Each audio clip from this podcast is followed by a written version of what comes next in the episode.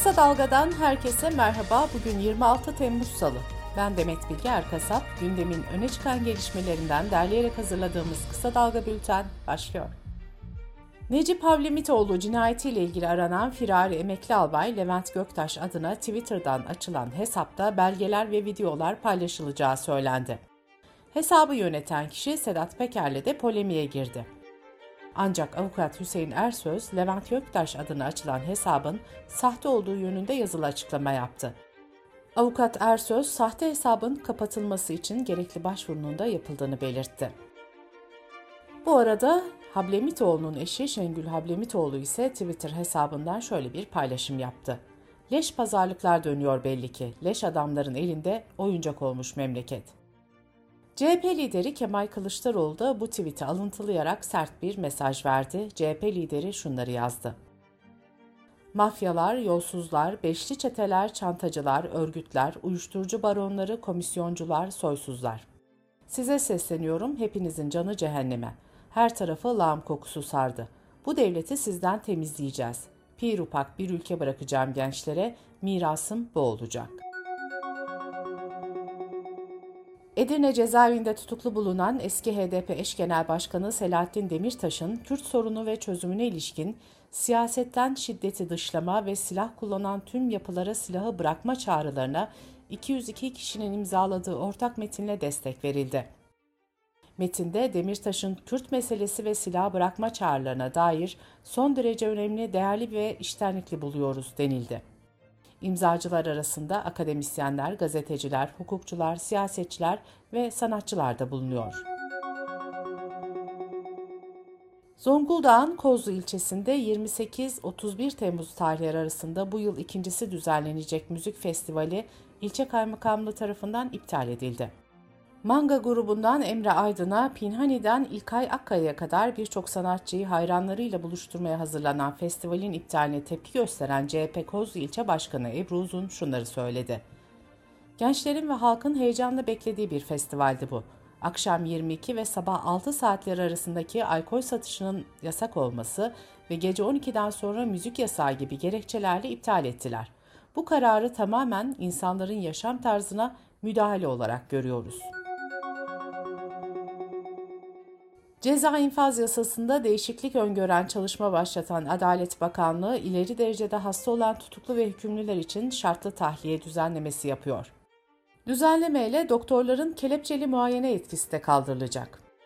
Cumhuriyet Gazetesi'nin haberine göre düzenleme Ekim'de teklif olarak meclise sunulacak. Söz konusu düzenlemenin terör örgütüne üye olmak suçundan ve karşısındakine zarar verecek derecede şiddet eğilimi gösteren hükümlü ve tutukluları kapsamayacağı belirtiliyor. Cumhuriyet Halk Partisi sağlık çalışanlarının sorunlarını görüşmek üzere meclise olağanüstü toplantıya çağırdı. Grup Başkan Vekili Özgür Özel, 120 vekilin imzaladığı dilekçeyi meclis başkanlığına sundu. Dilekçeye göre CHP'li vekiller meclisi 1 Ağustos günü toplantıya çağırdı. Türkiye İstatistik Kurumu 2021 yılına dair yazılı medya ve uluslararası standart kitap numarası istatistiklerini yayınladı. Buna göre gazete ve dergi sayısı 2021 yılında 2020 yılına göre %6 azalarak 4460 oldu. Bu yayınların %53.6'sını dergiler oluşturdu. Gazete ve dergilerin tirajı 2021 yılında bir önceki yıla göre %7.2 azaldı. Buna göre Türkiye'de 2021 yılında yayınlanan gazete ve dergilerin yıllık toplam tirajı 925 milyon 56 bin oldu. Bu tirajın %95.3'ünü gazeteler oluşturdu. Sırada ekonomi haberleri var. Döviz kurları her gün yeni bir seviyeyi test ediyor. Dolar TL, FED faiz kararının açıklanacağı bu haftaya yükseliş eğiliminin devamıyla başladı. Kur 17.83 seviyesiyle yılın zirvesini yeniledi. TL arka arkaya 3. hafta değer kaybetmiş oldu. 17.80'i aşan kur Aralık'taki tarihi rekor sonrası en yüksek seviyeyi görmüş oldu. TL'nin Nisan ayı başından beri değer kaybı %16'yı, yılbaşından beri değer kaybı ise %25'i aşmış durumda.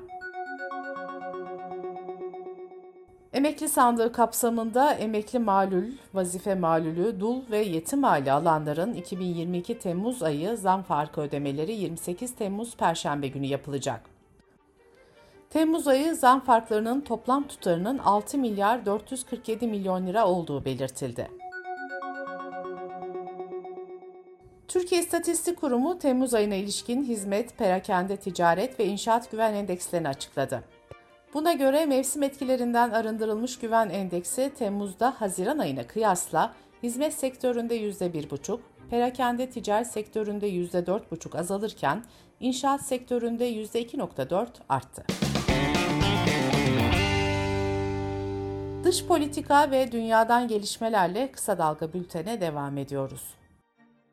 Türkiye ve Birleşmiş Milletler arabuluculuğunda yapılan görüşmelerin ardından Ukrayna ve Rusya Cuma günü İstanbul'da tahıl ürünlerinin Karadeniz üzerinden dünya pazarlarına taşınmasına olanak sağlayan anlaşmaya imza atmıştı. Cumartesi günü ise Rusya, Ukrayna'da Odessa limanına hava saldırısı düzenlemişti.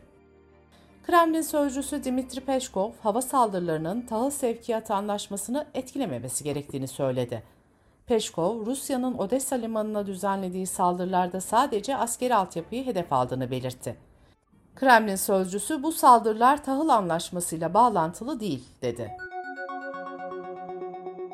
Rusya Dışişleri Bakanı Lavrov ise Moskova'nın Ukrayna'da rejim değişikliği arzuladığını kabul etti. Lavrov, Ukrayna hükümetini iktidardan indirmeyi hedeflediklerini söyledi. Moskova'nın Kiev'deki siyasi liderliği değiştirme niyetiyle ilgili beyanı Lavrov'un geçen Nisan ayındaki açıklamalarıyla çelişiyor. Lavrov o dönem yaptığı açıklamada Ukrayna'daki rejimi değiştirme gibi bir planımız yok demişti. Rusya Dışişleri Bakanı hangi iktidarla yaşamak istediklerine dair kararın Ukraynalılara ait olduğunu söylemişti. Almanya Başbakanı Scholz ile eşinin Postam'daki evlerinde gizli bilgiler içeren bazı evrakı imha etmeyerek çöpe attığı ortaya çıktı.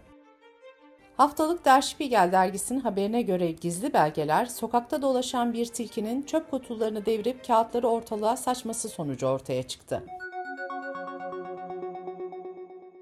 Fransa enerji tasarrufu kapsamında bir dizi önlem aldı. Buna göre klimalı dükkanlar kapılarını kapatmak zorunda kalacak neon ışıklarına da sınırlama getirilecek. Enerji tasarrufunu artırmak için alınan bu önlemleri ihlal eden dükkanlara 750 euroya kadar para cezası verilecek.